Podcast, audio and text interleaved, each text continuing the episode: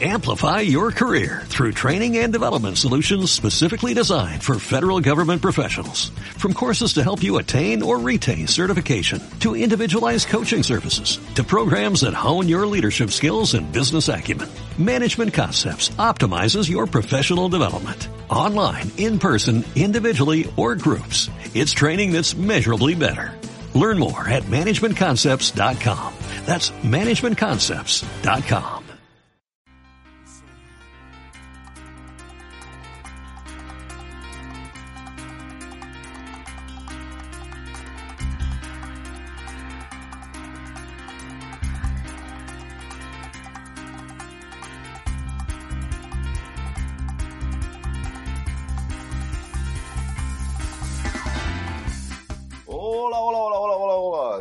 estar confinats, però aquesta vegada és diferent.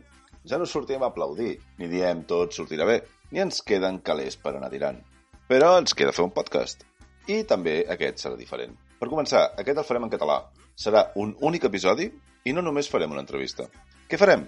Doncs parlarem de música, música jamaicana de la segona meitat dels anys 60, el rocksteady. També llegirem receptes de cuina, diferents aproximacions però a una mateixa recepta, els calamars farcits, que potser alguns de vosaltres us llançareu a fer per les properes festes de Nadal, si hi arribem, és clar. Entrevistareu un personatge, un personatge important de la cuina del nostre país, que molts de vosaltres ni coneixereu. Com a pista, és de Sants. I per acabar, tindrem una col·laboració d'un pastisser mediàtic, que ens recomanarà un tamacle, en Pol Contreras i els seus gustos musicals, diguem-ne, especials. Com ho farem? Doncs un poti-poti. Ara uns 10 minuts d'entrevista, ara una recepta, ara una mica de música, i així anar fent fins que acabem, com si fos una mise en place de cuina. Som-hi! Subiendo para abajo, bajando para arriba, perdiendo imperdibles que tú no querías, que a gusto en tu colchón, bañado en sudor. ¡Vámonos, vámonos! Me encuentro a la luna que estaba dormida,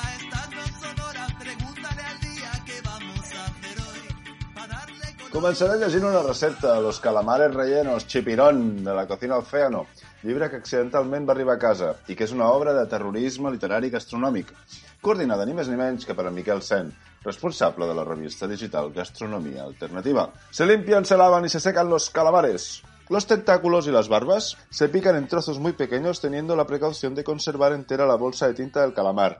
Este picadillo se mezcla con la carne de cerdo y los huevos duros previamente picados. Con la pasta resultante se rellenan los calamares, teniendo cuidado de que no queden muy llenos, pues al guisarlos se encogen bastante. Una vez finalizada, ojo a lo que ve ahora, ¿eh? Esta operación deben coserse con hilo para que no se escape el contenido. No sisplau. Seguidamente se pasan los calamares por harina y se fríen en una sartén con aceite. A medida que están fritos se ponen en un plato y se reservan. En una cazuela se vierten 5 cucharadas del aceite donde se ha frito los calamares. Ojo que ara ve la salsa, que no sé si és més greu això o lo de cosir-los. Cuando esté caliente se le agrega la cebolla picada hasta que comience a tomar color. En este momento se le añade la cucharada de harina y se remueve hasta que se dore un poco. Seguidamente se vierten el agua, el vino, el azafrán y los calamares, cocinándose a fuego lento con la cazuela tapada. Aquí cal dir que el, el no diu el temps, però la, el, presenta la recepta diu que són tiempo de cocción 90 minutos. També diu que el tiempo de preparación son 60 minutos, però no sé quan trigueu vosaltres cociendo calamares. A media cocción se rectifica de sal. Cuando los calamares estén cocidos, se les quita el hilo con que estaban cerrados. Se sirven en una fuente y se rocían con su salsa. També cal que la tinta aquesta que hemos reservado cuando los hemos limpiado nos la vamos a comer con patatas, perquè no la fem servir en cap moment més de la recepta. A veure, per què us poso aquestes receptes? Quan els professionals afrontem una nova elaboració, investiguem a diferents llibres de cuina i sintetitzem la nostra pròpia. Però cal dir que aquesta i alguna més us les he posat per mala hòstia. I per demostrar que tot i que la recepta estigui en un llibre o en un blog, no vol dir que sigui vàlida. Per netejar aquest mal gust de boca, saltarem cap a Jamaica. Ens hem de situar, com hem dit a l'inici, la segona meitat dels anys 60. Comença a ser popular el rocksteady, un ritme derivat de l'esca que manté el sincopat però que ralenteix lleugerament. La que es considera la primera mostra d'aquest estil és Train to Ska-Bill, dels Ethiopians. Train to Scabble.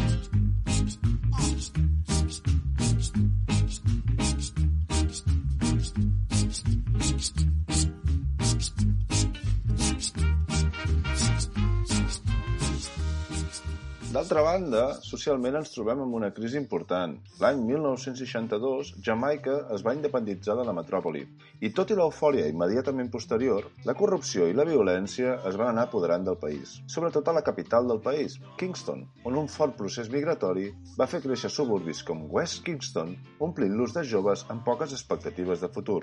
Aquests joves tenen bàsicament dues sortides, ser músics o delinqüents, i només alguns escollits arribaran a guanyar-se la vida gravant singles. Perquè fa a la indústria musical, aquesta gairebé estava centrada en produir tamacles per als sound systems, discomòbils de l'època on el principal negoci era la venda d'alcohol. En aquest escenari apareix un expolicia, Duke Drake, productor i propietari d'un sound system que sense miraments comença a utilitzar grups de joves sense res que fer per tal de rebentar la competència i així augmentar les vendes. Aquí, amb més simplificació que rigor, podem trobar el naixement dels Root Boys, protagonistes d'innumerables cançons com aquesta que sona de fons, Rudy's All Around, d'en Joe White, on es canten les felicitats i valentia d'aquests individus. Diu, Rudy's don't fair, Rudy's don't care. Els Root Boys no els tenen por, els Root Boys no els importa. Altres títols en aquest estil seran Root Boy Train d'en Desmond Decker o Tougher Than Tough, Rudy's in Court d'en Derrick Morgan.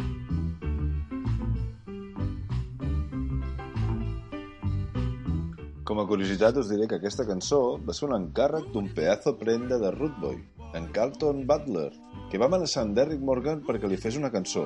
Cal dir que el bon d'en Butler va morir just una setmana després de la publicació del single, d'un tret al cap. And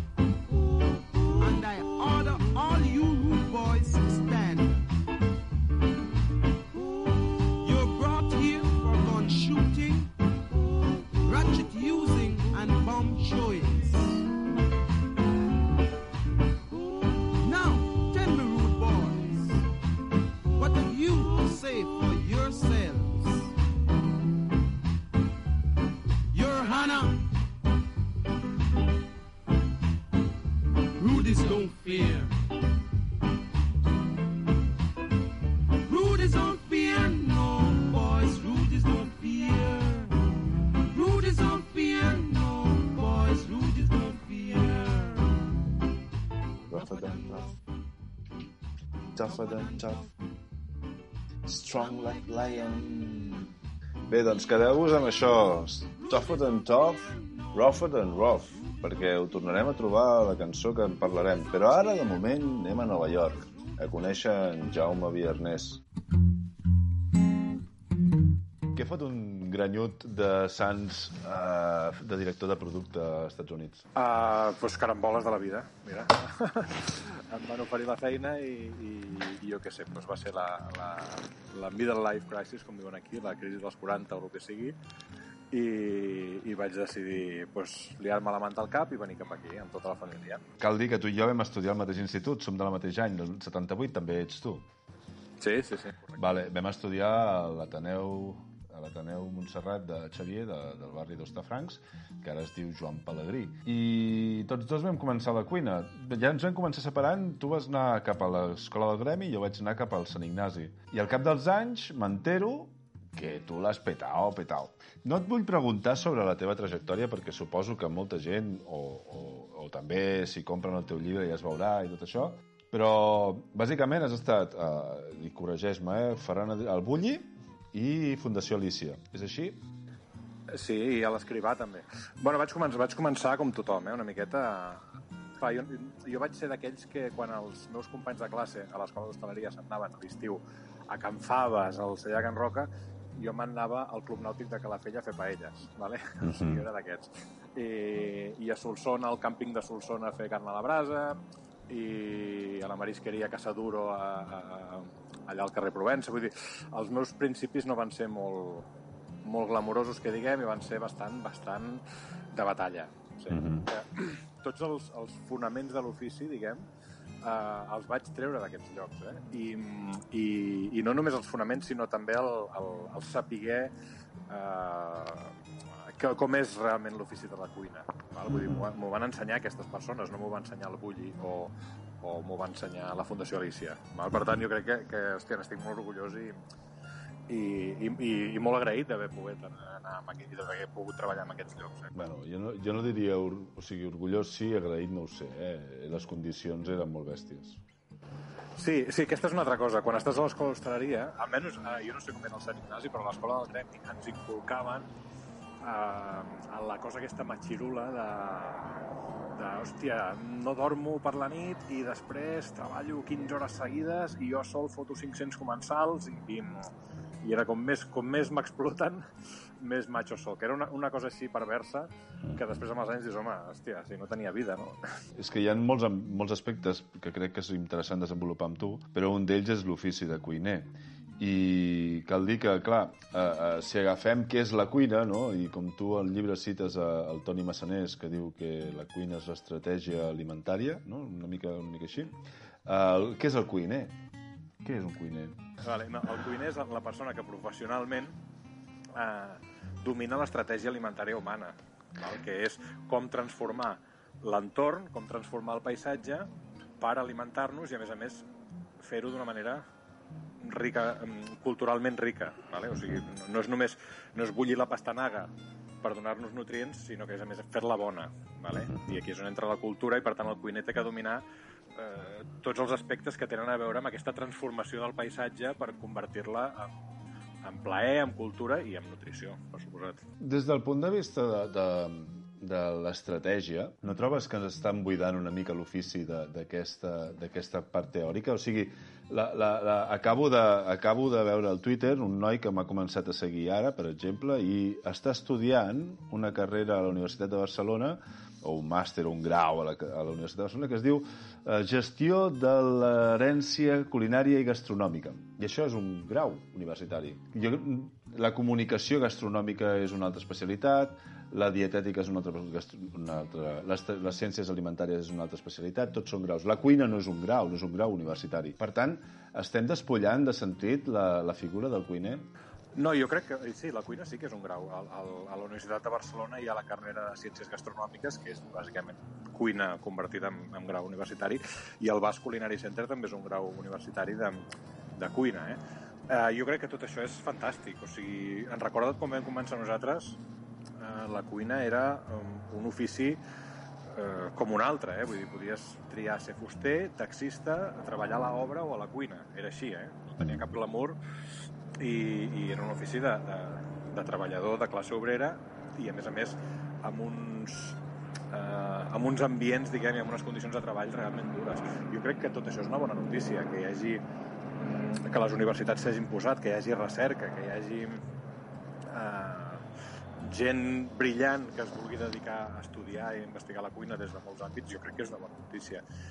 Ens hem d'adaptar en aquest canvi, clar, els que venim de la batalla, diguem, eh, doncs ens hem d'acostumar, no? I, però jo crec que és bo. Jo crec... M'ha girat, eh? Me l'ha girat, la pregunta. Clar, tu dius, no, sí que és un grau, bueno, vale, però cuina, cuina, el que tu i jo coneixem com a cuina, com a l'ofici de cuinar, no te l'ensenyen als graus que m'has comentat, ciències, aliment, ciències gastronòmiques o el Basque Culinary Center, t'ensenyen a com respondre a entrevistes, a etc., a moltes coses, però el que és la cuina en si no, és, no, no té una facultat. Les, les coses que envolten la cuina sí, però la cuina en si no.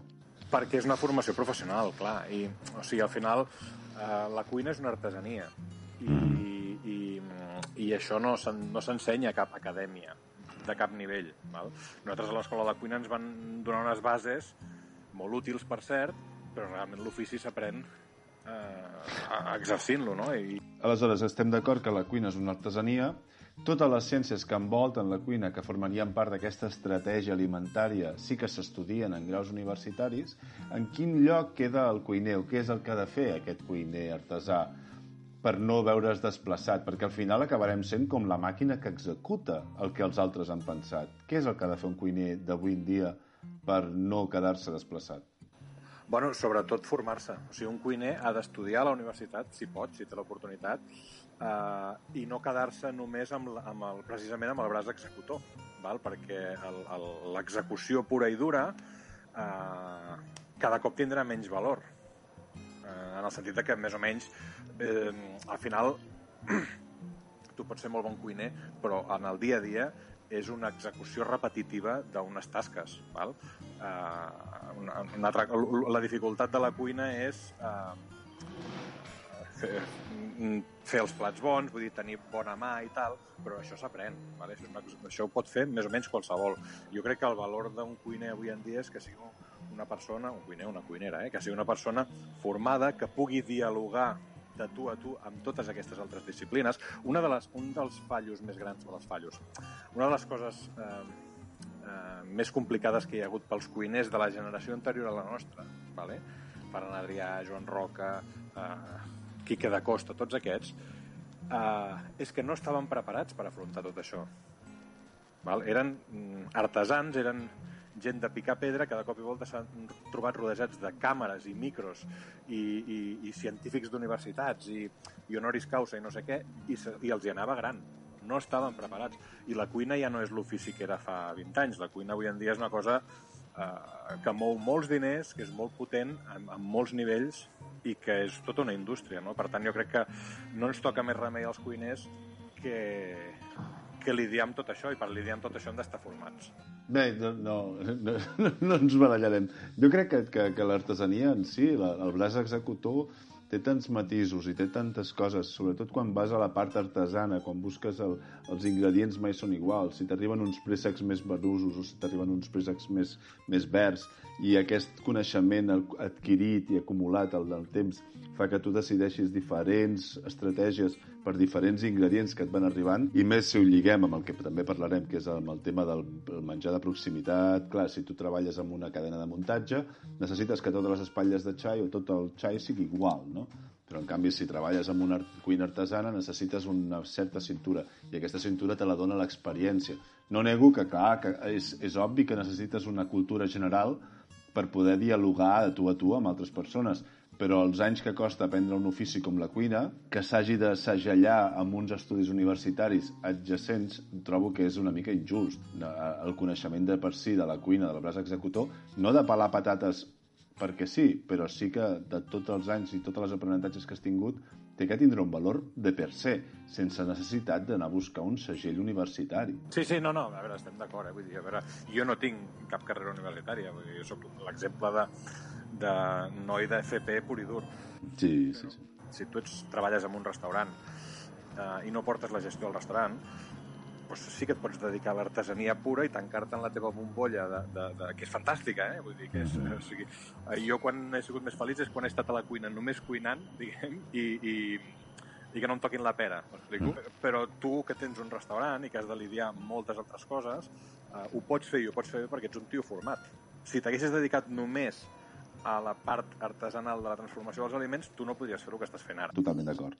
Una cultura general és necessària, no podem ser els cuiners de fa 40 anys que ens van ensenyar a nosaltres, però el fet de que que s'estudi patrimoni, clar, un cuiner també és un atessorador de, de patrimoni cultural gastronòmic. Mira, no? un, un exemple molt clar d'això que dius, perquè això és interessant.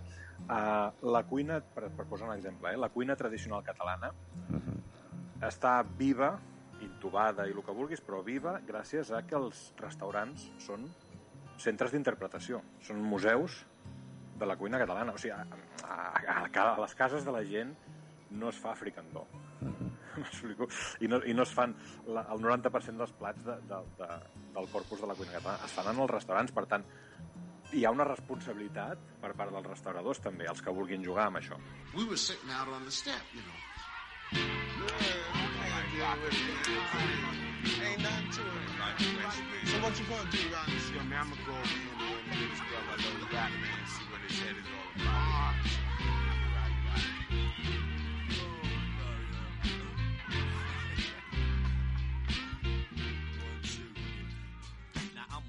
Bé, doncs, en aquesta societat on encara considerem més elevat el treball teòric que el manual, el braç executor en contra de l'homo faber, anirem a il·lustrar-nos amb una altra eminència de la teoria gastronòmica catalana, que no haurà treballat mai sis dies a la setmana amb tot partit.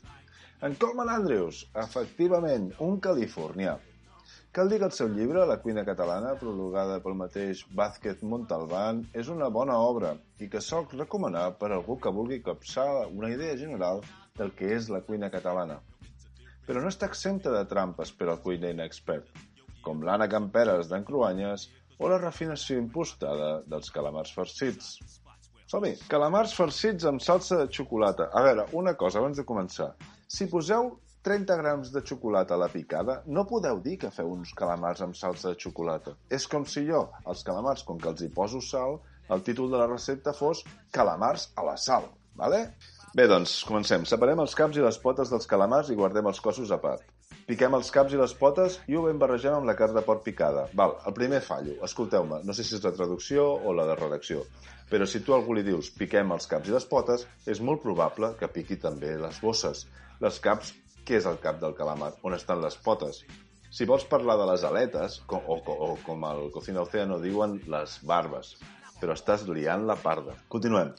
En una cassola o una paella grossa, bé, el que fa és un sofregit i cou la farsa, cou la carn de porc i després l'escorre. Escolteu-me, farcir calamars amb la carn cuita és dificilíssim i a més a més no aconseguirem que ens quedin uns calamars macos, ens quedaran boturuts. Bé, quan s'hagi refredat la barreja, en farcirem els cossos dels calamars amb cura, no pas massa perquè quan els coem s'encongeixen i es trencaran. Escolteu-me, en el primer la recepta que us he llegit, cosia els calamars, que era un excés de cel, a més a més un excés de feina innecessària. Però és que en aquest no ens diu res, res, ni donar-li la volta, ni l'escuradents, res de res, val? O sigui, això no, no, no es preocupa qui ha escrit aquesta recepta de fer una cosa que us serveixi. Posem els calamars al forn en una sola capa, en una plata de forn una mica oliada i els hi deixem 20 minuts. O sigui, els, els calamars van cuits amb un forn preescalfat de 180 graus sols. A part, sí que fa servir fumet i fa servir una picada, com hem comentat abans. Mentrestant farem bullir en una cassola el vi i el caldo fins que reduïm el líquid a la meitat. Mentre el fa el bull farem una picada amb ametlles, la resta dels pinyons, el xocolata i el, fa, el pa fregit. Tot humitejat o deixatat amb una mica de líquid, fins a aconseguir una pasta espessa. Afegim la picada al líquid reduït, ho remenem bé, ho tornem a fer bullir i ho salpebrem a gust. I ho aboquem sobre els calamars farcits al plat! A veure, Colman Andrews, si estàs fent un llibre de cuina catalana, la cuina catalana és xup-xup. Tenim un brou, tenim un sofregit. Els elements els tenim tots. Tenim un sofregit, tenim un brou, tenim una picada, tenim uns calamars farcits. Però estan tan mal endreçats que, sincerament, potser, si no fem fricandó a casa, és en part gràcies a les receptes que ens trobem als llibres. Anem a Jamaica.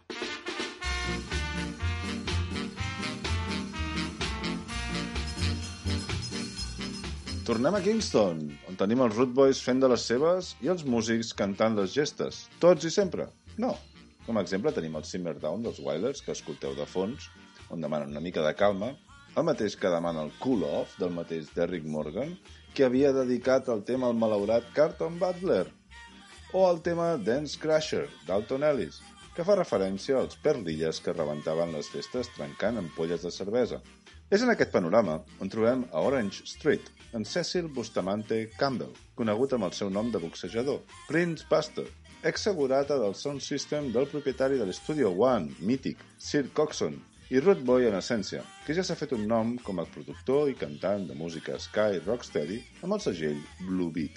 La relació entre ell i en Derrick Morgan era fatal, des de que el segon va decidir deixar el seu mentor, en Prince Buster, per anar a Kong Records. I des d'aleshores, les pollites subtils o no tant es van anar succeint en les respectives gravacions. La història també diu que en Prince Buster va decidir escriure el tema que ens ocupa, Judge Dredd, després que un root boy irrompés en una escola, violés a un alumne i agredís el professor. Ens manca encara una referència per entendre el tema. L'any anterior a la seva publicació, el 1966, en Prince Buster, de la mà de Muhammad Ali, va abraçar la nació de l'islam. Per tant, tenim un cantant i productor conscienciat per l'opressió del poble afroamericà, conscient de la poca imparcialitat de la justícia blanca, cansat de la violència dels Root Boys i en amistat amb en Derrick Morgan, que tot just havia publicat aquell tema que versava Tougher than tough, rougher than rough. Recordeu? Ara escoltareu en Prince Buster fent de jutge i el seu germà Fitzroy Campbell amb en Lee Perry, un altre grandíssim músic i productor jamaicà, fent d'acusats. Una autèntica escenificació d'un judici. Encara entrarem més suc, però ara us deixo amb el tema. Jets Dread.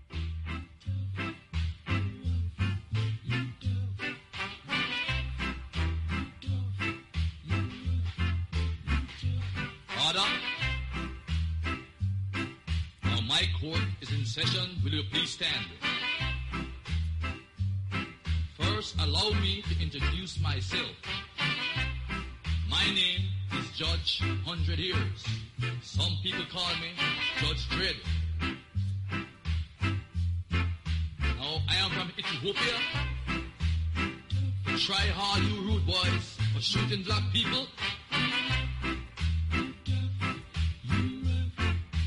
In my court, only the talk, cause I'm vexed. I am the rude boy today. Who got case? Yes, sir. Rude boy Adolphus James. Yes, sir. Rude boy Emmanuel Zachariah Zaki Palm. Present. George Robin Flea. Present. Hmm. Adolphus James. Yes, sir. I see where you're in charge. Ten shooting with intent. Five murder charge. Six grab and flee charge. What you are not, Hush Guilty or not guilty? not guilty, sir. I don't care what they say. Take 400 years. Stand down. Emmanuel Zachariah Zaki Palm. Yes, sir. You've been charged 15 charge of shooting intent, 15 murder charge, and I heard that you was the one down there in Sutton Street who tell the judge, good boys don't care. Well, this is King Street, and my name is Judge Dredd, and I don't care. Now take 400 years. I don't you're going to say, you know, Your Honor, because... Hush up, what they trying to do, shoot me too? No, Your Honor, but I didn't. Well, I quiet. the body, 400 more years for you. George, grab and flee. Yes, sir. Stop your crying. Good boys don't cry. That's what I hear. I didn't it, you know, sir. I'm afraid, man, I don't give you a chance. I don't care. Hush up. This is my court. You're charged for robbing school children, robbery, aggravation.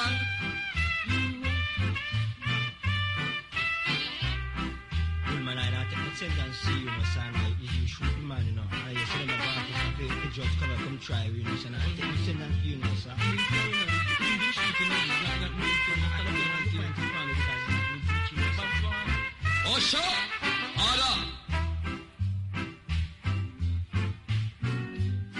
Adolphus James, Yes, sir. you rob school children. You boom the people's house. You shot black people. But Your Honor, I don't. Hush up! Just for talking, I now charge you for contempt, and that is a separate hundred years. I hereby sentence you to 400 years. I said hush up, hush up! You're sentenced to 400 years and 500 lashes. I am going to set an example. I, rude boys, don't cry, don't cry. When I was in Africa, here it was tough. I'm not guilty. Put a turn, take him away. Recordeu el You Rob You Tough? Doncs aquí està de fondo mentre el Root Boy està plorant. Una pollita bèstia, el Derrick Morgan. Però n'hi ha alguna encara més sutil. Quan el jutge diu And I heard that you was the one there on Sutton Street who tell the judge rude boys don't care. Well, this is King Street. Bé, doncs, a Sutton Street hi ha un tribunal, efectivament, i és el que equivaldria a l'Audiència Provincial de Kingston. I a King Street, on diu el jutge que es troben, hi ha el Tribunal Suprem de Jamaica. O sigui, és, ja està per damunt fins i tot en el tribunal. D'altra banda, us heu quedat amb els noms dels acusats? Hugo Hicks, que desapareix i no sortirà més. Root Boy Adolphus James. Root Boy Emmanuel Zachariah Zaki Paul. I George Gravenfly. Aquest últim és catxondo perquè Gravenfly, traduït, és eh, agafa i fuig. O sigui, podríem traduir George Gravenfly per Jordi Estravada. Algunes fonts relacionen aquests noms amb l'esclavatge, sobretot el de Emmanuel Zachariah Zakipol, però les referències no acaben aquí. 400 anys de condemna equivalen als anys en què el poble negre ha estat utilitzat com a esclaus al Carib, i les fuetades són una clara referència als càstigs que impartien els senyors. Aquest single, com us podeu imaginar, va causar molt de rebombori a Jamaica. I abans de tornar amb en Jaume, us deixo caure un abans. Tot just tres mesos més tard de la seva publicació, en Prince Buster va treure la apel·lació. Però això serà després de passar per Nova York i llegir una altra perlita de recepta.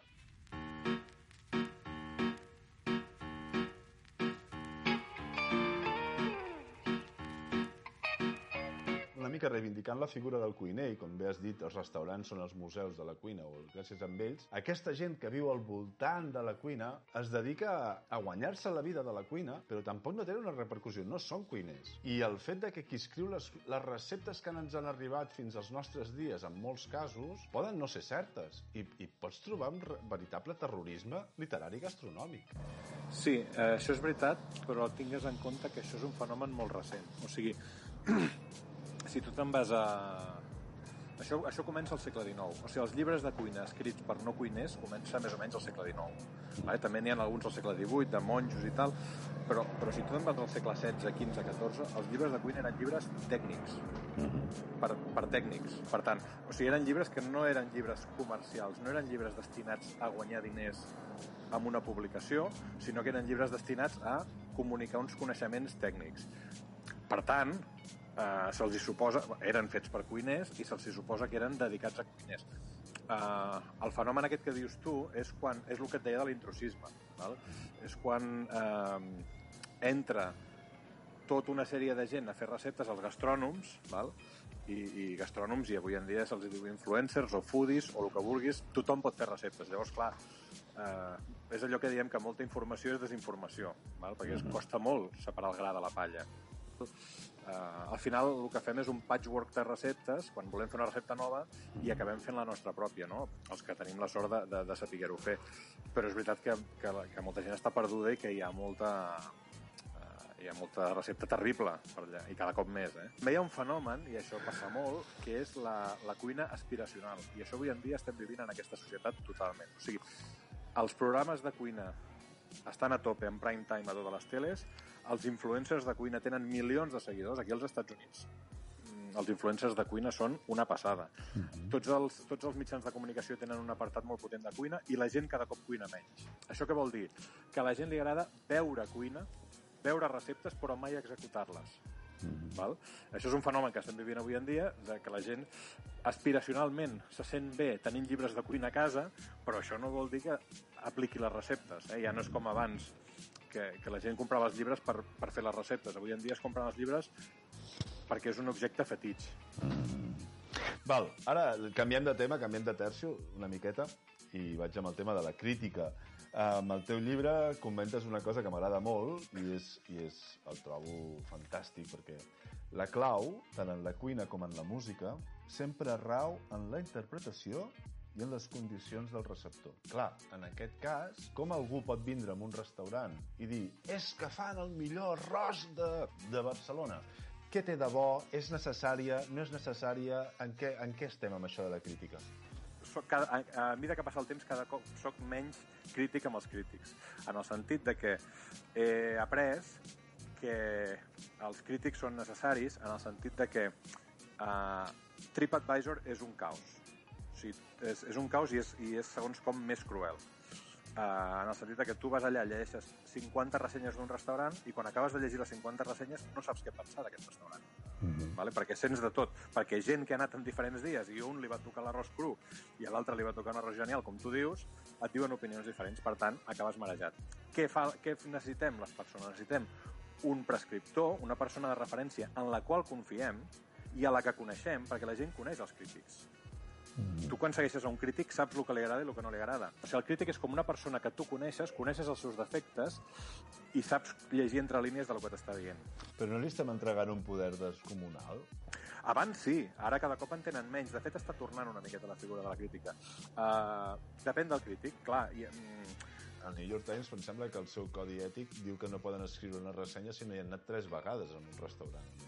Sí, clar, bueno, pues això, però això són els codis ètics de cada, de cada publicació. M'estàs posant l'exemple del, del, d'un diari que té molts recursos i té molts calés, no? Uh, abans sí que tenien molt de poder, perquè jo recordo quan estava al Bulli i venia...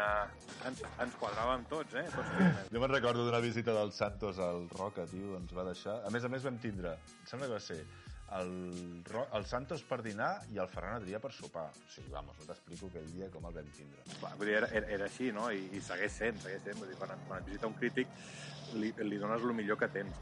Uh, jo crec que és un sistema que s'autoregula, mira què et diré. Saps? O sigui, la gent, els crítics també els segueix, però tampoc a, a pies juntilles.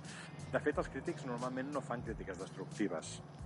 Uh, I si les fan normalment és per politiqueo, eh? és perquè hi ha algú que li tenen mania amb un cuiner concret o tal. La majoria de crítics, quan no els agrada un restaurant, directament no escriuen sobre aquell restaurant. Jo el que voldria preguntar-te, per anar una mica més enllà d'aquest debat, que possiblement està una mica més trillat, una crítica sense judicis de valors, una crítica buscant que fer el bé, fer el bé o crear una, una, una atmosfera positiva per a aquella persona que li has fet la crítica. Tu pots fer una crítica sense emetre un judici de valor? Uh, aquí hi ha dues coses. O sigui, si, si el crític menja coses deficients, eh, té dret i, a més a més, té l'obligació de criticar-ho. Uh -huh. val? O sigui, si, si hi ha defectes, eh, defectes. Val?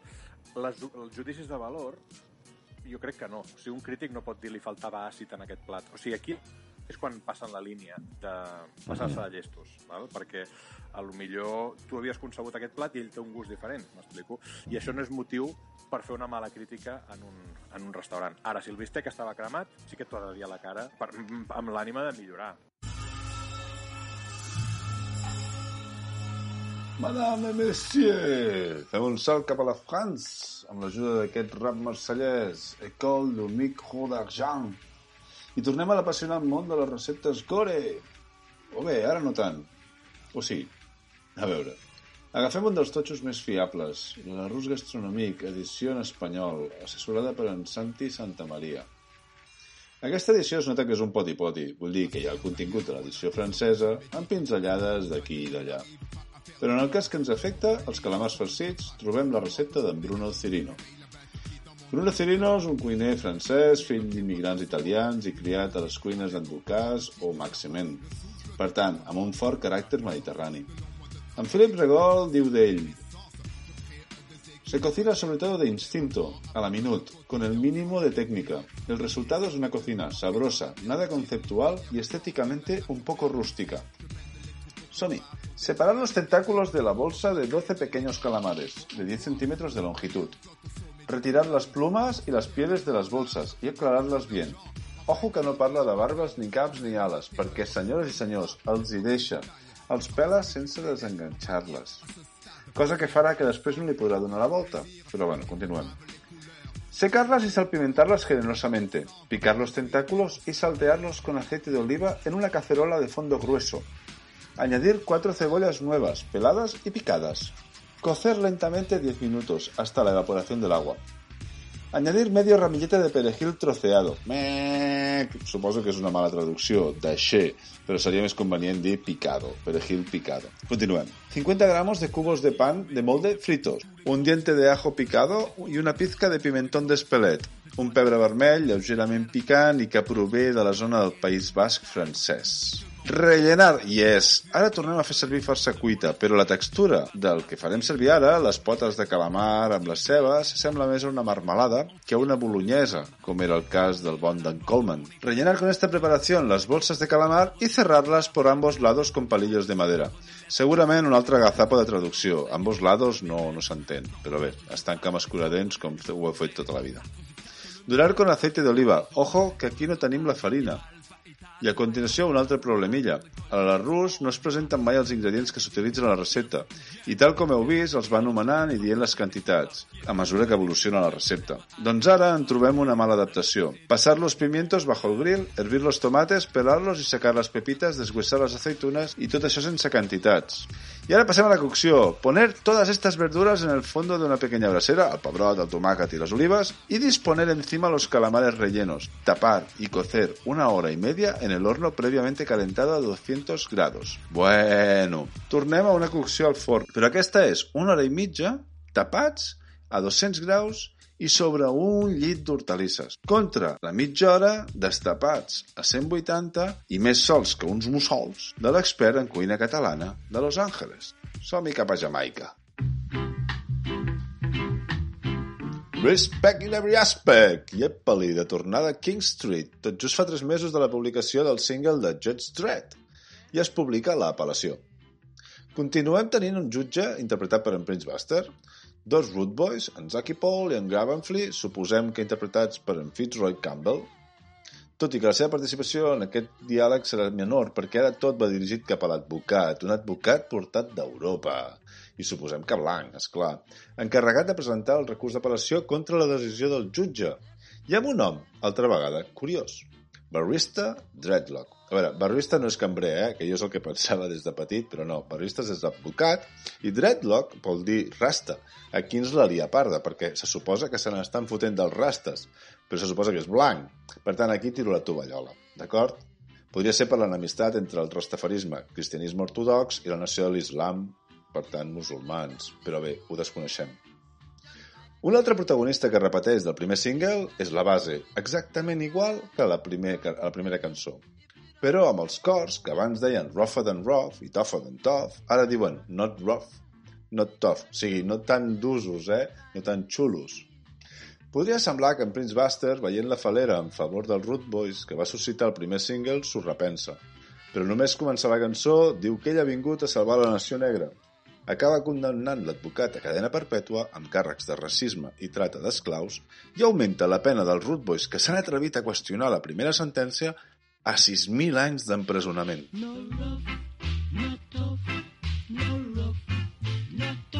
Harder. Up. Hmm. All of a sudden, you hear rude boys saying they're not rough, they're not tough. They weren't saying that three months ago. Well, I see whereas you have appealed and you have the nerve to bring to my court a barrister from Europe by the name of Dreadlock. First, I'd like to know where he get his locks from. Cause we are the same locks I'm going to use and hang him. I'm going to save the black nation. Speak, Dreadlock. Speak for your client. Your Honor, I think you're very unfair to sentence my client to 400 years and 500 lashes. Oh, Hush up! I don't care what your name, whether dreadlock or lock dread or what. I don't care what the hell your name. This is my court. Dreadlock, we're going to count together. I want justice. Count how much Chinese are dying. How much white people are dying. How much other nations are dying. Add them, multiply them. Can't amount amount of black people that are being killed by these rude boys. And you're talking about to come to my court to defend them? Hmm. I now charge you, Barrister Dreadlock, for racial injustice and slave trading. But what I'm saying, I depend on my money, sir. Dreadlock, your, your, your clients still lose faith in you? Because I'm going to give you your sentence now. Life imprisonment for you, Barrister Dreadlock. You know long I want to meet you? I am Judge Dredd. And I am saving the black nation. Dreaded and dreaded, Yes, I'm Dread and Dread. Tell it, tell the barrister good. Take him down. tougher than lead. Now, Zaki Palm, Yes, sir. grab and flee. Dreaded and dreaded. Yes, sir. I shall deal with you. I shall deal with you.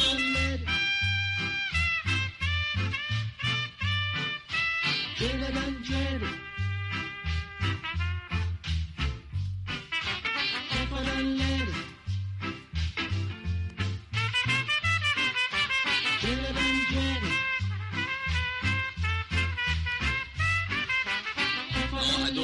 cry. And you go and flee. Don't cry. The barrister was a big shot?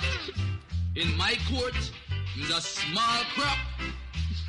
He's gone and you are going to? I'm going to put upon you a symbolic sentence.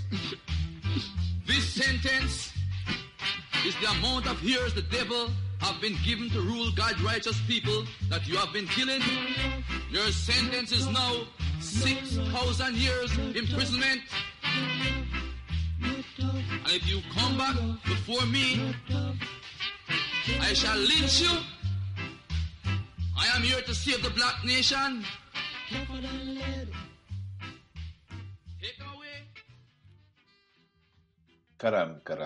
El personatge del jutge ja comença a fer ràbia. El que en el primer single i primera cançó del, de l'LP era algú valent i poderós que s'enfrontava a uns pandilleros xulopicines, ara ja s'està convertint en un dèspota. Però us dic un secret. En Lee Perry, que col·labora en aquestes gravacions, va considerar que aquesta apel·lació era molt fluixa i en va fer una altra. Però abans cardem al camp a veure en Jaume Viernès. Ser cuiner significa ser inventor de receptes? Amb la cuina, des de Ferran Adrià últimament, se li ha donat molta importància que el cuiner ha de ser una persona creativa. Però amb la música tenim les figures separades del creador de música i de l'instrumentista. Per què la figura de l'instrumentista a la cuina no s'ha omplert de prestigi? Per què no tenim un, un, un elenco de grans instrumentistes cuiners i hem de ser creadors de receptes?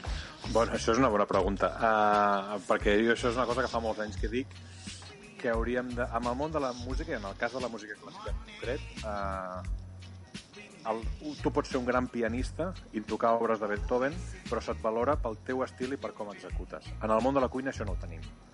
Val? No, tenim, no tenim grans cuiners que siguin renom, amb renom vale? i que siguin molt famosos per com executen abans sí, eh? Antigament era així, eh? O sigui, antigament un gran cuiner no era un cuiner que creava plats genials, sinó era, era un cuiner que executava molt bé. Diguem, això és l'essència de la cuina, eh?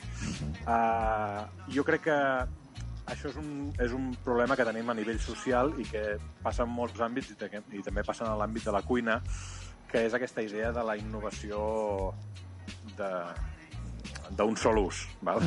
O sigui, volem només innovació, innovació, innovació, encara que aquesta innovació sigui dubtosa de qualitat. Val? I, i, els, i, els, I la repetició de les coses ja conegudes, o les coses... això s'ha sentit moltes vegades, no? Ostres, que vaig en aquell restaurant i tenen la mateixa carta que fa 5 anys.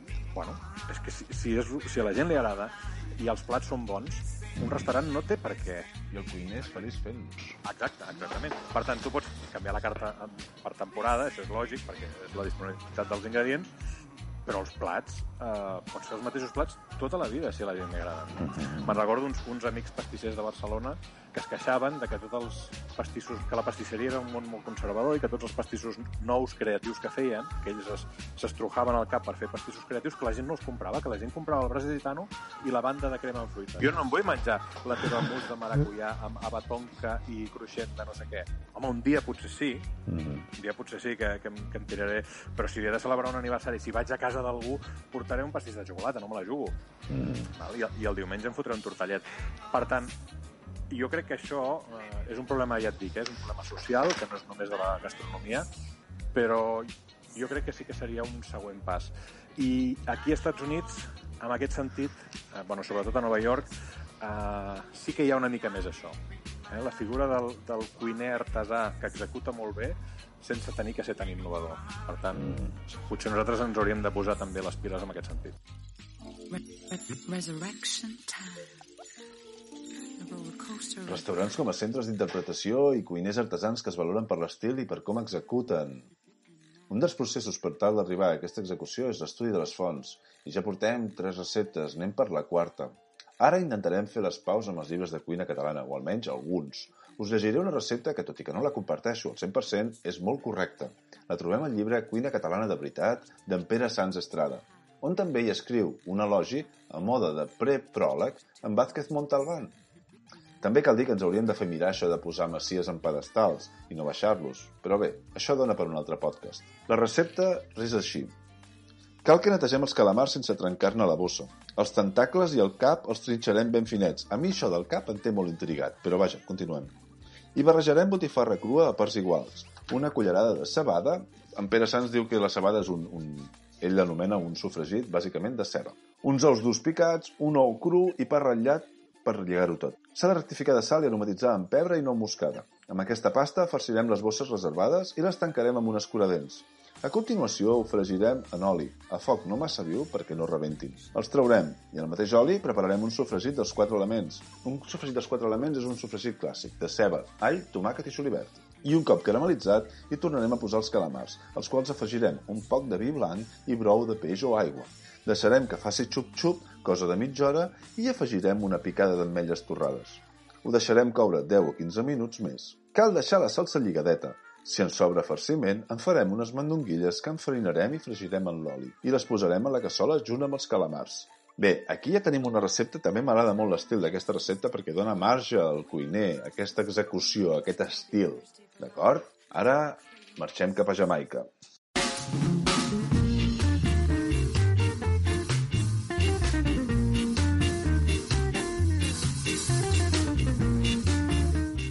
On, everybody! Ara continuarem en el mateix judici, però canviarem d'intèrpret. Passem a un single publicat per en Lee Perry, esclar, el mateix any, en 1967. Aquest Lee Perry va ser qui havia fet algunes de les veus dels Root Boys a l'original Judge Dredd, i ara ens presenta una apel·lació, diferent i més argumentada que la d'en Prince Buster. Pel que diu a la lletra, podem deduir que aquest single es va produir abans de la publicació de la Peel en què hi trobem en barrista Dreadlock, on recordareu que va augmentar les penes de dos dels Rudis, en, Zac en Zacky Paul i en Graben Free, a 6.000 anys, cosa que en aquesta cançó no se'n fa referència. Per definir Lee Perry necessitaríem un, dos o tres podcasts més. Aquest artista en actiu encara va ser, entre d'altres, pioner de l'esca, productor d'en Bob Marley, creador del dub i mil coses més. Anomenat l'Upsetter, el que capgira les coses, sense ell la música jamaicana no seria el que és una figura i una ment creativa de dimensions astronòmiques. També cal assenyalar que, tot i que Judge Dredd comença un camí, les lletres de l'Sky i el Rocksteady es basaven en dos temes únicament, l'amor i els Root Boys. És en aquesta cançó on trobem una clara crítica social i obre un camí que tants d'altres seguiran, sobretot després de la popularització del, massatge, del missatge Rastafari.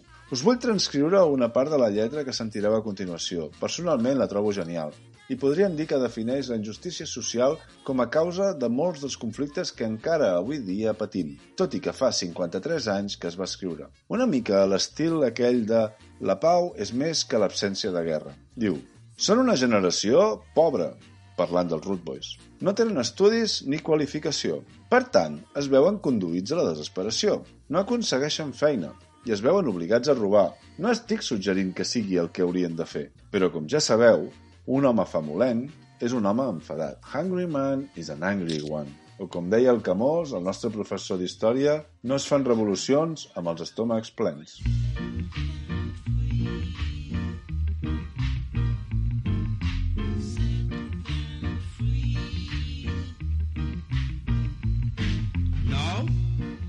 This is supposed to be the trial of Emmanuel Zachariah Zaki Palm Adolphus James, and Lord Grab and Flee. So listen carefully, all you juries. Your Honor, may I introduce myself? Yes, you may. Well, my name is Lord Defend. May I speak on behalf of my client? Yes, you may. Well, I don't think it's fair to sentence these men to 500 years. Are you suggesting that I'm unfair? No, Your Honor. But as you see, they are from a poor generation, having no education, no qualification, so they are driven to desperation. Can't get a job, they have been forced to rob. I'm not suggesting that they should, but as you know, a hungry man is an angry one. So give them a chance, Your Honor, please. Think it over before you throw them over. Please give them a break to mend their mistake. Your Honor, as you already know, that robbery was from creation. For it was robbery that befall the black nation. Our ancestors once ruled this world and all its gold. But now we are poor. Who stole the gold? Your Honor, could you answer me that question?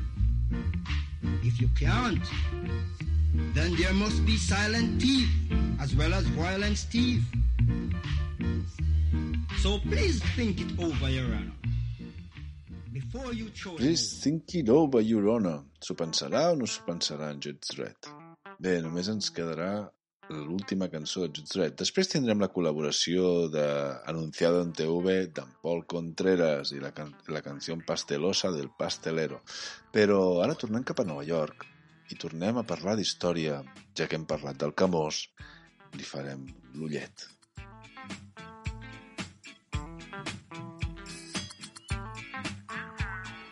Quan, quan reivindiquem el retorn a una cuina... O sigui, quan hem de recuperar la cuina històrica o certs... mirem el passat, val? com sabem què és el que hem d'aprofitar i què és el que hem de descartar? Perquè, com dèiem abans, amb els cuiners de fa 20 anys, o les cuines de fa 20 anys, hi havia grans coses i hi havia coses molt dolentes. Clar, busquem les, les receptes de, del segle XVIII, no? Ah, però al segle XVIII hi havia uns problemes, i començant per un masclisme de, de brutal, per un alcoholisme, per una esperança de vida molt baixa... Clar, podem mirar amb romanticisme cap endarrere, però hem de saber destriar què és el que ens hem de quedar d'allò i què és el que no. Aquesta és una pregunta, és, és molt complicada aquesta, eh? perquè és molt llarga. Uh, la mirada amb romanticisme és molt maca i és un exercici de, de recreació històrica. Val? Si jo un dia et convido uh, o faig un menú del segle XIX i l'executo tal com era el segle XIX, això és, que fa, és el mateix que fan els músics historicistes. Fan partitures antigues i les executen tal com era l'època. És un exercici de recreació històrica. Vale? Això és una cosa. L'altra cosa que m'estàs preguntant tu és què ens quedem i què deixem del passat. Això no ho decidim nosaltres. Això passa de forma natural. Uh, I a més a més, en el cas de Barcelona, que és la ciutat més moderna del sud d'Europa, uh, estem molt avançats en això. Val? O sigui, a Barcelona avui en dia pràcticament la cuina catalana és residual. Digue'm, digue'm 10 restaurants de cuina catalana Sí, sí, no, totalment d'acord, totalment d'acord. 50 de cuina japonesa. Mhm. Vale? Per què? Perquè són moderns. Perquè als anys 20 del segle XX, quan van arribar els cannelloni italians, els vam, els vam incorporar ràpidament. Els canelons, als Mhm. anys 20 del segle XX, eren com el suc verd o l'amanida de quinoa i quel. Era tan modern com això i tan cool com això, eh? I de seguida els vam incorporar, vam deixar de fer l'arròs de colls i punys i vam començar a fer canelons. I això és la... a Barcelona sempre ha sigut així. O sigui, Barcelona no és una ciutat tradicional, és una ciutat moderna. Barcelona és com Berlín i Madrid és com Viena. Si tu vols menjar cuina tradicional de tota la vida, vés-te'n a Madrid i menjaràs collonut perquè és una ciutat conservadora. Si tu has tingut la sort o la desgràcia de ser d'una ciutat moderna, i jo ho visc amb orgull, nosaltres a Barcelona mengem quinoa i kale. Em sap greu. Vull dir, sempre mirem endavant, no mirem mai enrere. Una altra cosa és que a casa, i ens, a mi m'agrada respectar les tradicions i seguir-les, però sempre amb aquesta vocació de mirar endavant. Mirar enrere, vull dir... eh, Ostres, eh, a més a més és que no hi, no hi haurà una recuperació de la cuina tradicional. Vull dir, la cuina tradicional catalana s'està extingint i, i la lluita i l'esforç és per allargar-li la vida. Però no arribarà un moment on la gent dirà hòstia, vaig a fer anar amb naps. No, Quan acabeu de recollir els bocits del vostre cervell, continuem. Comme une voix dans la marée humaine, invisible du showbiz à des années-lumière. Marseille, c'est Vézou, année funèbre comme un choc. Ara anem cap als apunts de la Hoffman. Ella també feien els calamars farcits, però era un restaurant finolis i tenien que donar-li un parell de voltes. Actualment és més probable veure tradicionals, plats tradicionals tal qual o fins i tot simplificats als menús de degustació dels restaurants estrellats. Però fa 20 anys, per justificar-ho, havien de complicar-se. I no oblidem que parlem d'una escola. Per tant, quantes més elaboracions i tècniques portés un plat, més aprendria qui el feia. Som-hi! Cal dir que l'estructura del no ser un llibre de receptes pròpiament és lleugerament diferent, a mig camí d'una fitxa tècnica. Per tant, en alguns casos haurem de llegir els ingredients on dirà algunes infos importants. Comencem amb la farsa dels calamars. Cal dir que ara ens proposa fer dos calamars per persona, dels quals una pota la reservarà i les altres potes les, les afegirem a la farsa. Les patas y aletas de los calamares cortados en brunoise y salteados. carne de cerdo, carne de ternera, cebolla tierna, ajo, perejil, pan remojado en leche, huevo, sal, pimienta y orégano. Mezclar todo en un bol y proceder al rellenado de los calamares. Rellenar solo tres cuartas partes de su cantidad y cerrar con un palillo. Anem al fondo de cocció del calamar. Saltear los calamares rellenos en el aceite, cuidando que no se quemen. Decantar y añadir la cebolla. Dorar lentamente. Incorporar el pimiento verde y dejar compotar. Agregar el ajo y rehogar. Añadir el vino y dejar evaporar del todo. Añadir el tomate y dejar cocinar hasta que se vea de nuevo el aceite aflorar. Mojar entonces con el fumet, añadir los calamares y la tinta, cayena y laurel. Aquí no se olvida la tinta, ¿eh? como a la primera. Salar ligeramente y cocer poché hasta que los calamares estén casi tiernos. Aquest, aquesta matització m'encanta. O sigui, és molt poètica, però realment algú que li falti experiència o que tingui poca seguretat, dir-li que ho ha de deixar fins que estiguin gairebé tendres és una mica xungo. Decantar entonces y colar la salsa. En frío sacaremos el palillo del calamar y cuando la salsa esté a punto de textura y condimentación, añadir los calamares, cocer 5 minutos i reservar. Bé, aquí es una recepta com les que hem llegit fins ara, però clar, hem dit que li una volta. A veure, és una recepta molt ben feta, però encara li falta les dues voltes. som -hi. Al pase por ración, dos calamares rellenos con su salsa, dos pimientos del piquillo, la pata de calamar que habíamos reservado i allioli. Aquí cal matitzar que no és realment allioli, és una musselina d'all, perquè el que fa és un allioli, però l'alleugereix amb el crema amb, amb nata semimuntada, cosa que millorarà i que serà més fàcil que el glacejat a l'hora de gratinar quedi millor. Calentar los calamares en su salsa, después de cantar y envolver con pimiento del piquillo. Napar con el allioli y glacear. Pasar las patas de calamar por harina y freír. Disponer unos trazos de salsa en un plato y encima los calamares, glaseados, y las patas de calamar, refrescar, que és posar-li al govern. Anem cap al Caribe, que hi falta gent.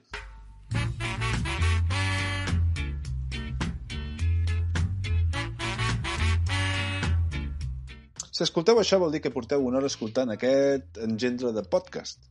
Segur que coneixeu aquesta música que sona, i potser la trobeu una mica més lenta de la que recordàveu, però el que segurament teniu al cap és la versió que en van fer els Specials el 1979, 12 anys després de l'original d'en Dandy Livingstone, que esteu escoltant de fons.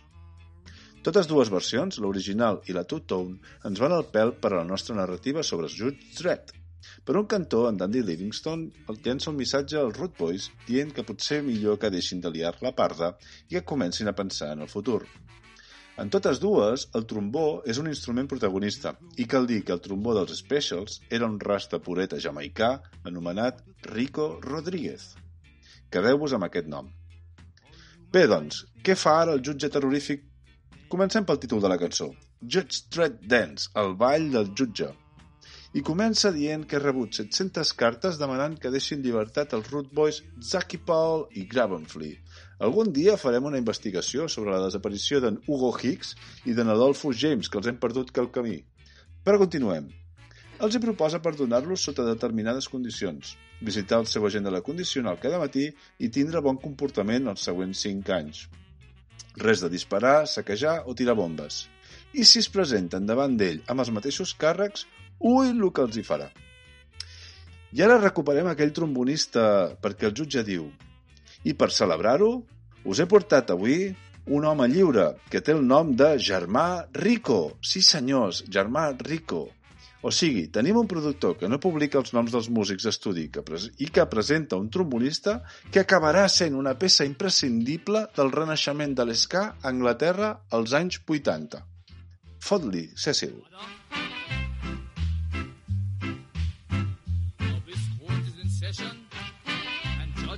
Is presiding. I have before me 700 letters asking pardon for Emmanuel, Zaki Palm, and George Flea. But I've decided to grant them pardon under certain conditions. They must report to the probation officer every morning. They must be of good behavior for the next five years. No more shooting, no more looting, no more boom joint. And if they come back before me for the same charge, huh, I wouldn't say what I'll do. And for celebration, I've brought for them today a freedom man by the name of Brother Rico. Now play Madison Harder, play. Thank you.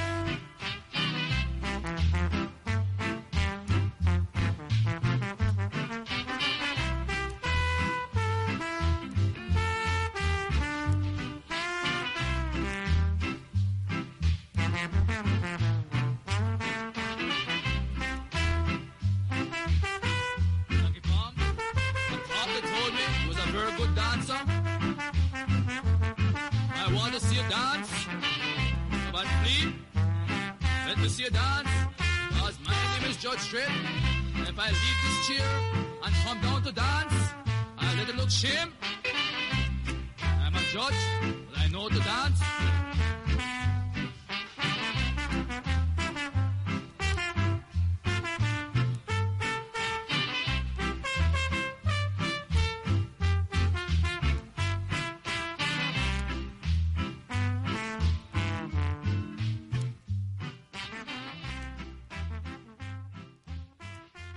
Doncs pel que fa al Rocksteady ho deixarem aquí. Hem disseccionat només una cançó, però quina cançó? Judge Dredd. Espero que us ho hagueu passat bé. Hem parlat de grans figures de la música jamaicana, com Derrick Morgan, els Wailers, Lee Perry, Rico Rodríguez i, com no, del brutalíssim Cecil Bustamante Campbell, Prince Basta. Ara ens quedarà parlar de que us expliqui la meva recepta de calamars farcits i la col·laboració d'un pastisser mediàtic. Però abans tornem amb en Jaume Viernès cap a Nova York.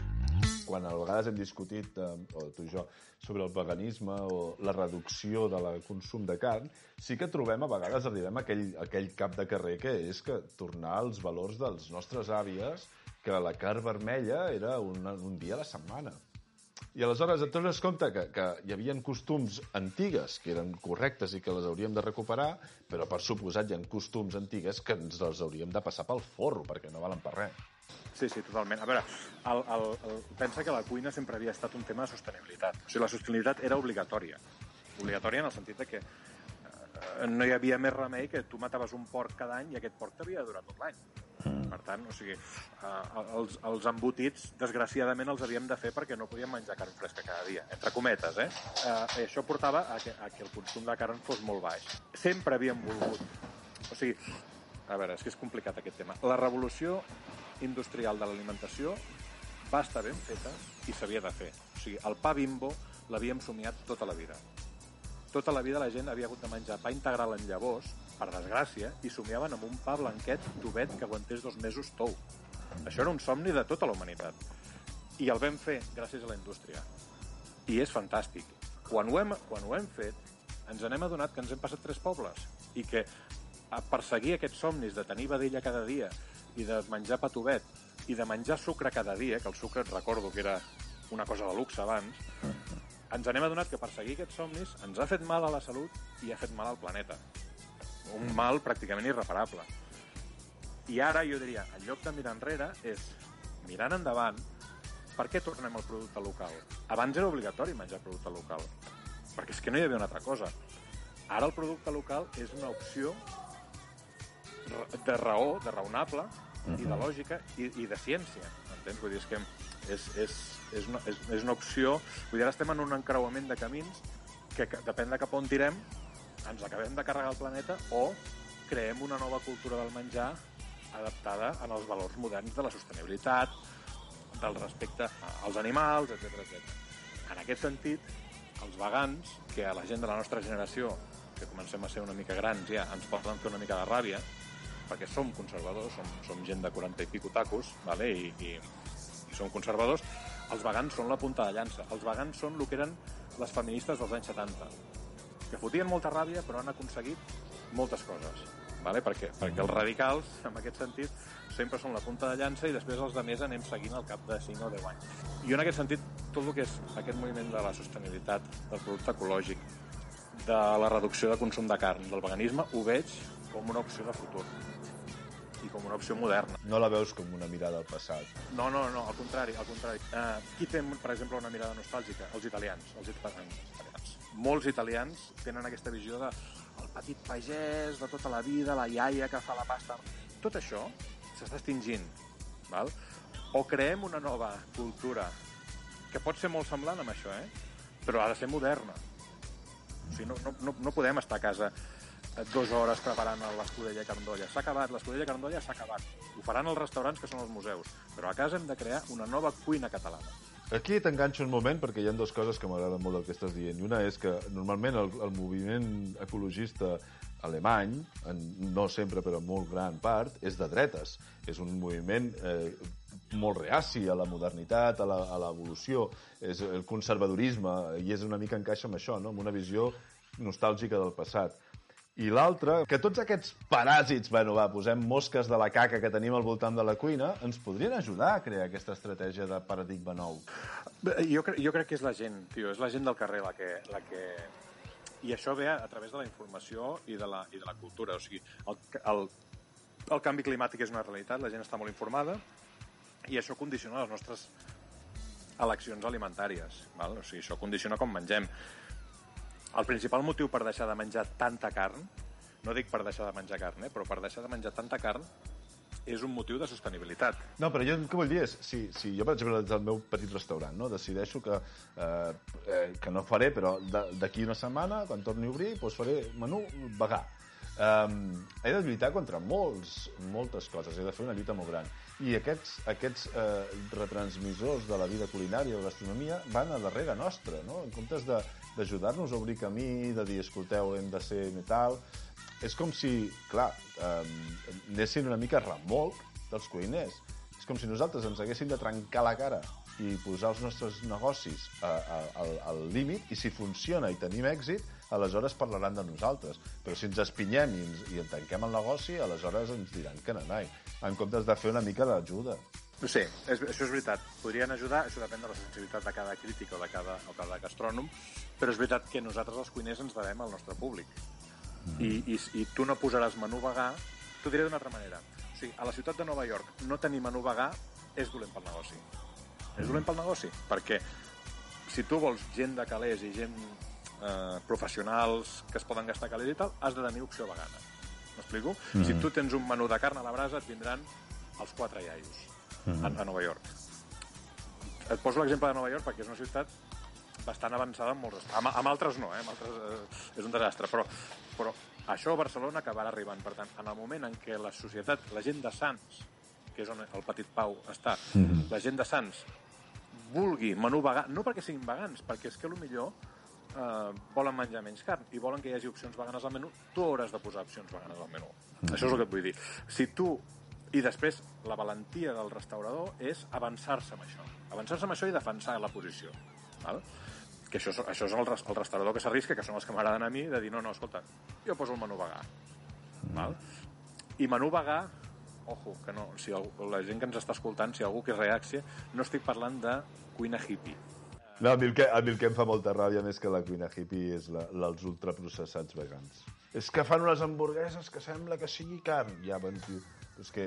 O, o quan et llegeixes la llista dels ingredients del pa sense gluten. Dius, és que no porta gluten, però és que porta de tot. Jo abans que menjar-me això no menjo res. Perdó. Bueno, a veure, la, la gent que...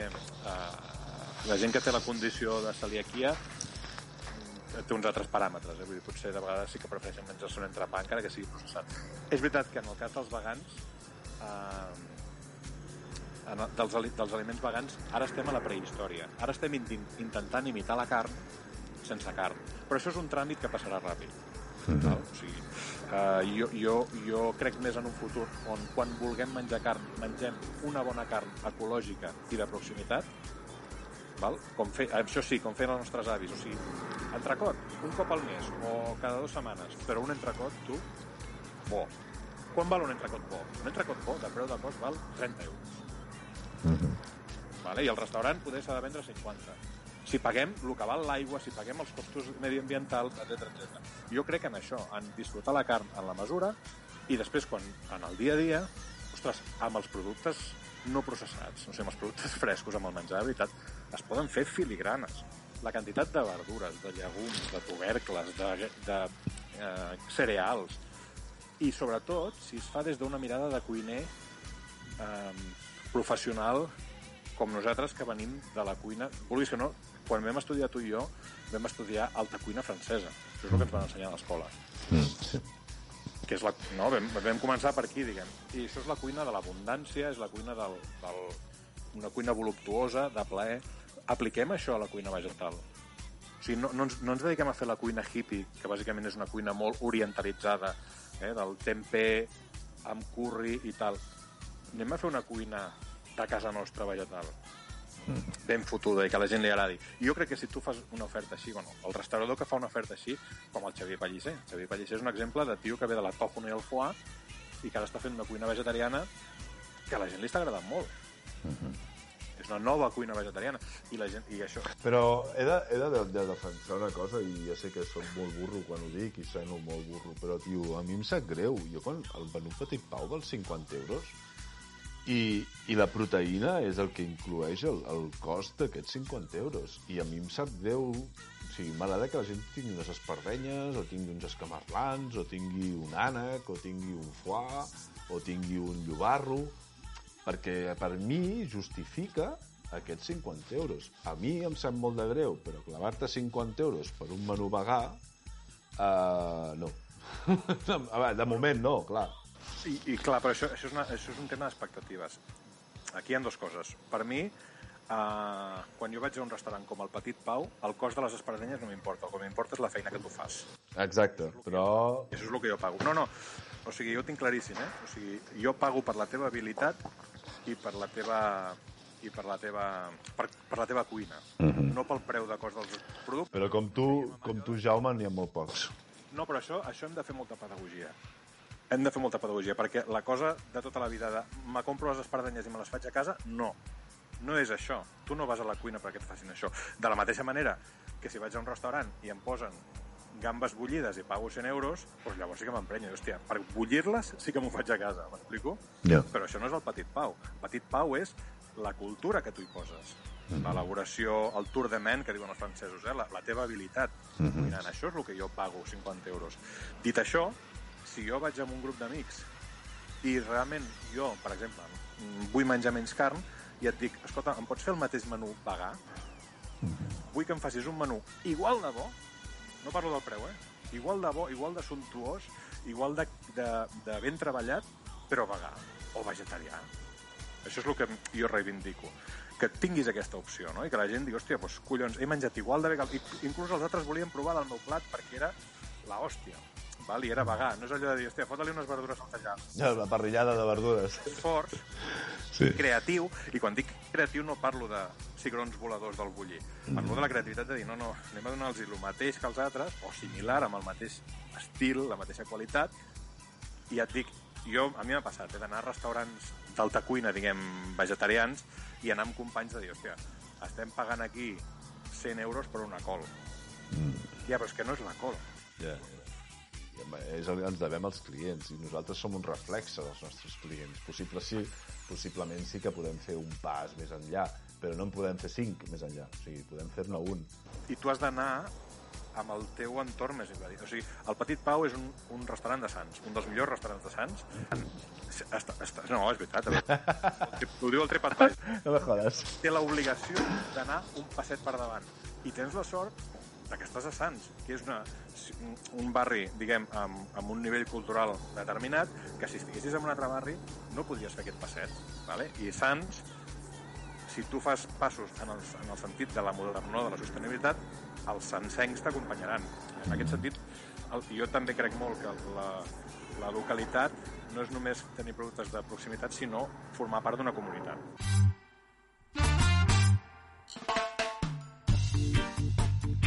Doncs com que també vull formar part de la vostra comunitat, aquí va la meva recepta de calamars. Cal dir que jo la, la que sempre he perseguit és trobar aquell gust que recordava dels calamars de la iaia. Comencem per la farsa. Ou cru, no, no cal lligar més el vòmit a la farsa. Ou dur, sí, i com a secret, si tenen aquell puntillo sulfurós de cocció excessiva, sense passar-se, millor. La carn només de porc i de botifarra, però botifarra bona i no excessivament pebrada. Ja té una proporció adequada de greix i magre i és com ho feia la iaia. A part, farem servir pa sec remullat en llet, julivert picat i les potes i ales dels calamars saltats bé, millor que saltats ben rostidets amb all. I així aconseguirem aquells, aconseguirem aquell sabor de calamars saltats amb l'avantatge que coem l'all amb els sucs del calamar. I això ens barrufa. Ojo amb la sal, perquè ens podem passar fàcilment. La buti ja em porta, els ous durs també, i personalment n'afegeixo a les potes quan les salto. Per tant, res més. Farcim els calamars, girats, i així no ens cal escuradents ni, òbviament, cosir-los. L'estructura muscular del bitxo tancarà la boca de la bossa al contraure's per cocció. Quan la netegem, aprofitem i els deixem girats. Farcirem amb màniga, pasti i cera i us diria que tres cinquenes parts, perquè al no ficar-hi els escuradents potser no podem apurar tant a tres quartes parts, jo us diria tres cinquenes. Per què fa el fondo? Parteixo d'una americana lleugera, i cal dir que m'ha sorprès que cap de les receptes introduís el marisc al brou. Bé, sí, la del Coleman Andrews, Però també diu que d'utilitzar brou de pollastre, per tant seria més un pilla el que tinguis que una voluntat expressa. Com dèiem, cranc blau, que està tan de moda, galera, cap de gamba o de llagostí o de llamàntol, cranc de riu, cranc, etc, crustaci, però no molt. La proporció del brou base que faig servir jo són 6 quilos de cap de rap per un quilo de cap de gamba vermella. Rostim els costracis, desglacem amb brandi, afegim el tomàquet, evaporem i mullem amb aigua. I posem el peix 30 minuts d'ebullició i infusionem. Vol dir que deixarem refredar el brou dintre de la olla amb tot el xitxa dintre abans de colar-ho.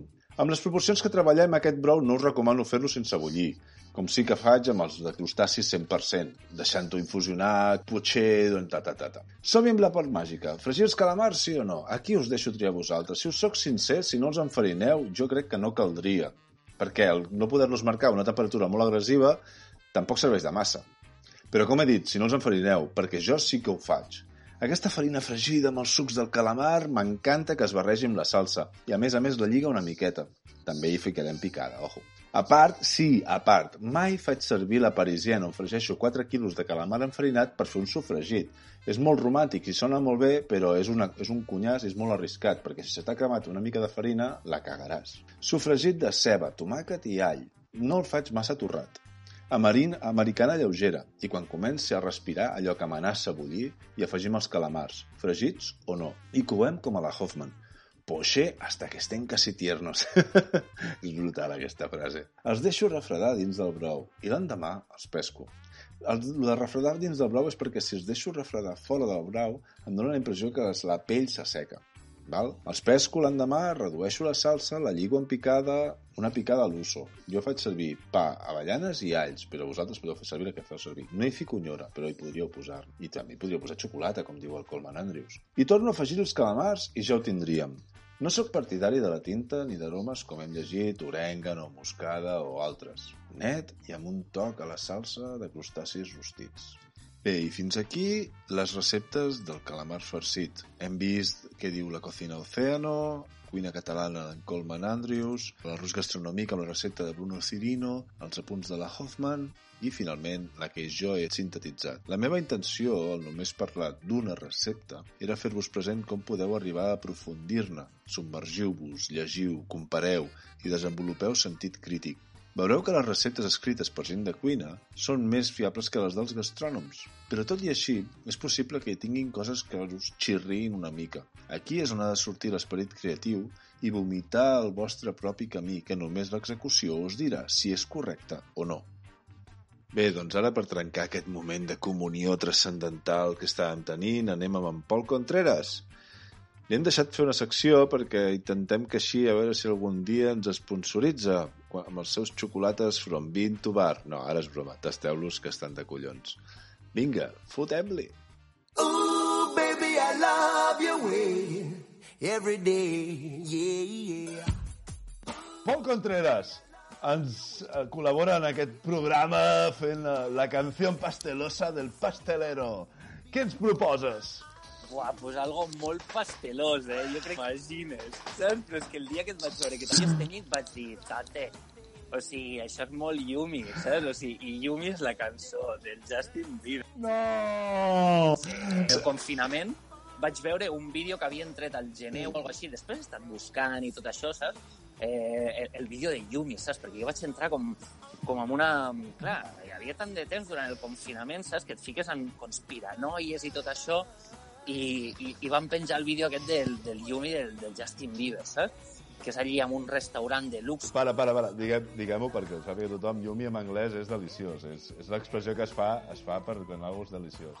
Clar, com tu i jo som cuiners, i, i vaig dir, hòstia, tio, és que me l'ha ficat a huevo i vol una cançó pastelosa, pues més pastelós que el Justin Bieber no hi ha ningú, o sigui... Però després, quan, quan, quan comences a buscar informació, analitzes i tot, dius, hòstia puta, tio, vale, busques, pum, Wikipedia i tal, YouTube, els primers vídeos del nen, saps, amb 12 anys, la mare penjant els seus vídeos a YouTube, el representant aquell de l'Asher, el pille, el veu pel carrer allí a Canadà, tocant amb unes escales la guitarra, al carrer, saps? O sigui, fill de d'una dona que, que el vaig tenir, em sembla que amb 18 anys o així, el pare es pira de la casa, eh, el nen als dos anys li regalen una bateria, i, i comences a flipar, no? Perquè dius, hòstia, la imatge que jo tenia d'aquest xaval pues, era una, no?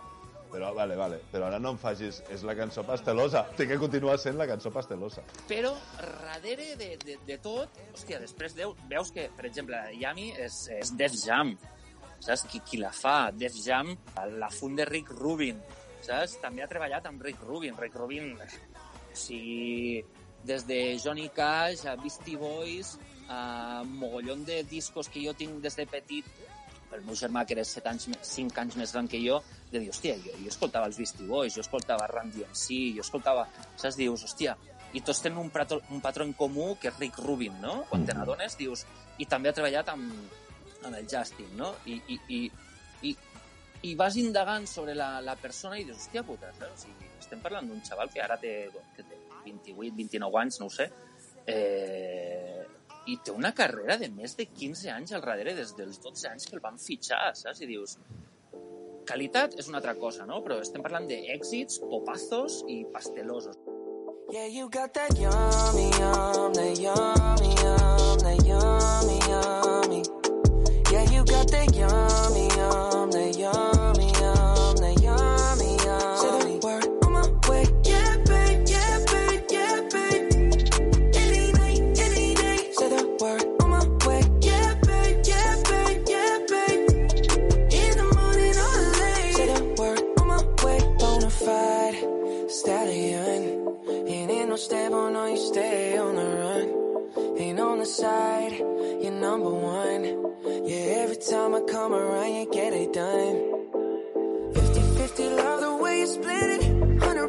spin it, babe. Light a match, get lit, it, babe. That jet set, watch the sunset, kinda. Yeah, yeah. Rolling eyes back in my head, make my toes curl, yeah, yeah. Yeah, you got that yummy, yum, that yummy, yum, that yummy, yummy. Yeah, you got that yummy, yum, that yummy,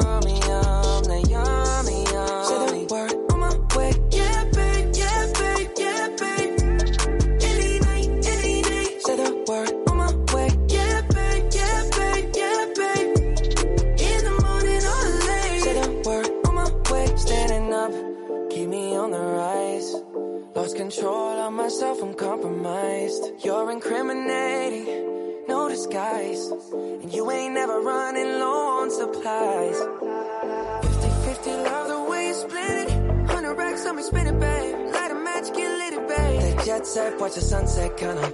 Yeah, yeah. Rolling eyes back in my head, make my toes curl, yeah, yeah. Yeah, you got that yummy, yum, that yummy, yum,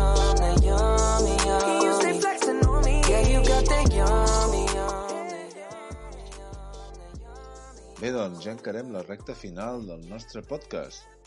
El proper el farem de com no fer un podcast. no, si esteu escoltant això, teniu tot el meu respecte.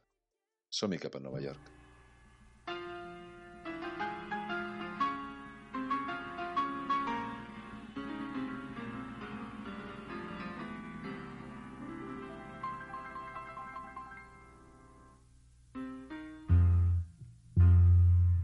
Ja li vaig preguntar amb l'anterior podcast amb Mariano, no? A dir, hòstia, què hem de fer i tal? I em va dir, salte de Barcelona. Digo, hombre, no me jodas, Mariano, ja estamos.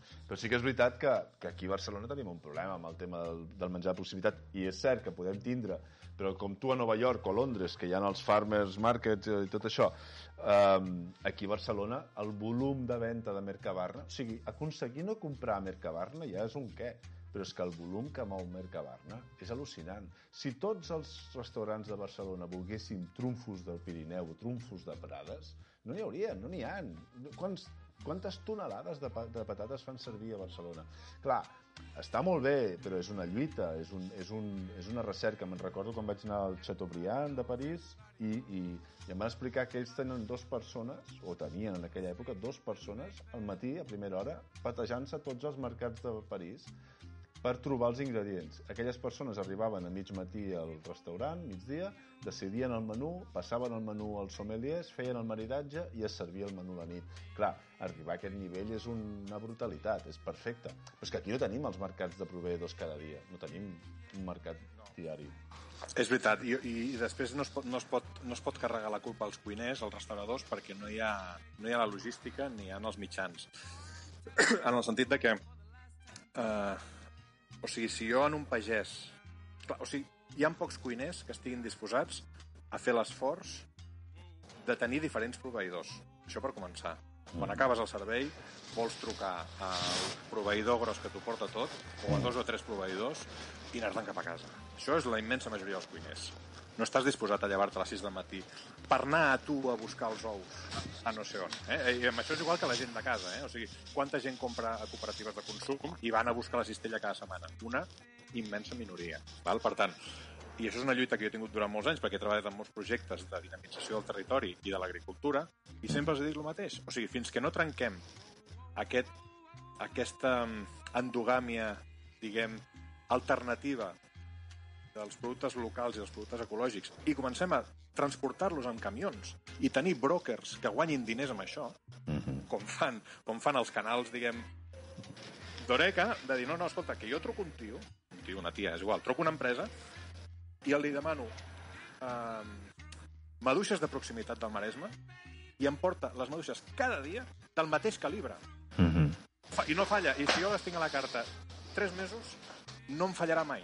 Vale? O sigui, fins que no arribem en aquest punt, no serà veritat la proximitat. Si ha, si ha de ser un sobreesforç per part d'una persona que ja treballa molt, com és el cuiner, de sobre, perquè n'hi ha gent que ho fa, eh? Sí, sí, sí, i tant, i tant. El Mariano, per exemple, Que és el que ens fan, ens, ens fan posar més, eh, ens fan posar en evidència, perquè eh, veus que hi ha gent que ho fa i dius, collons, com s'ho fan? són, són, perquè són lluitadors que dediquen la seva vida a això perquè hi creuen molt. Però no podem pretendre. Sigui, ells, és com el dels vegans, ells són la punta de llança. Mhm. Però si volem que això arribi a la gent, hem de fer-ho d'una altra manera. Jo no puc, no puc canviar el meu menú cada dia depenent de lo que el pagès m'ha portat, si és que m'ho porta.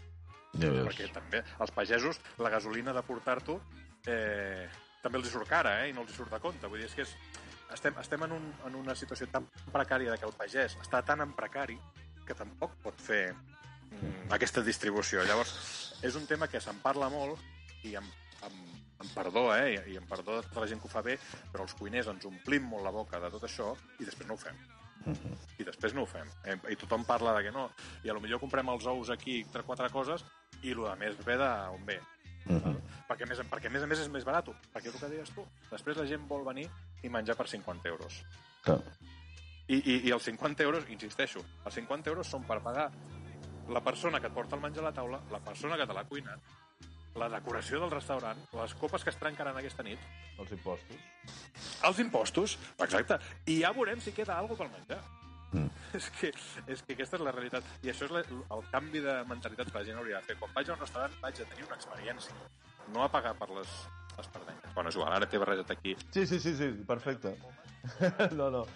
Jaume, uh, un plaer. Ja tinc, eh, tinc un problema perquè portem 50 minuts parlant i jo tindré que editar-ho. Però igualment, uh, espero respectar al màxim la- aquesta conversa, ha sigut molt interessant. I, tio, moltes gràcies i endavant.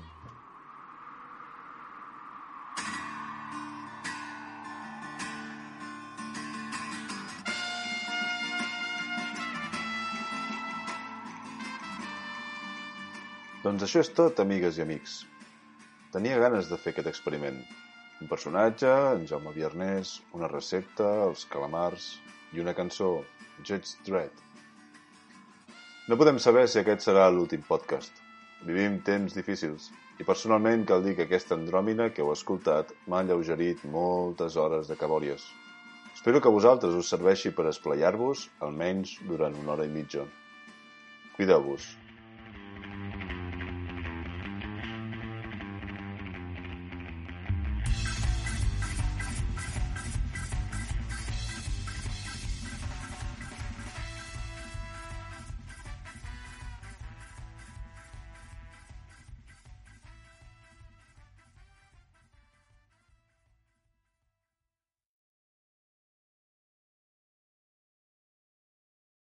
Amplify your career through training and development solutions specifically designed for federal government professionals. From courses to help you attain or retain certification, to individualized coaching services, to programs that hone your leadership skills and business acumen, Management Concepts optimizes your professional development. Online, in person, individually, or groups. It's training that's measurably better. Learn more at managementconcepts.com. That's managementconcepts.com.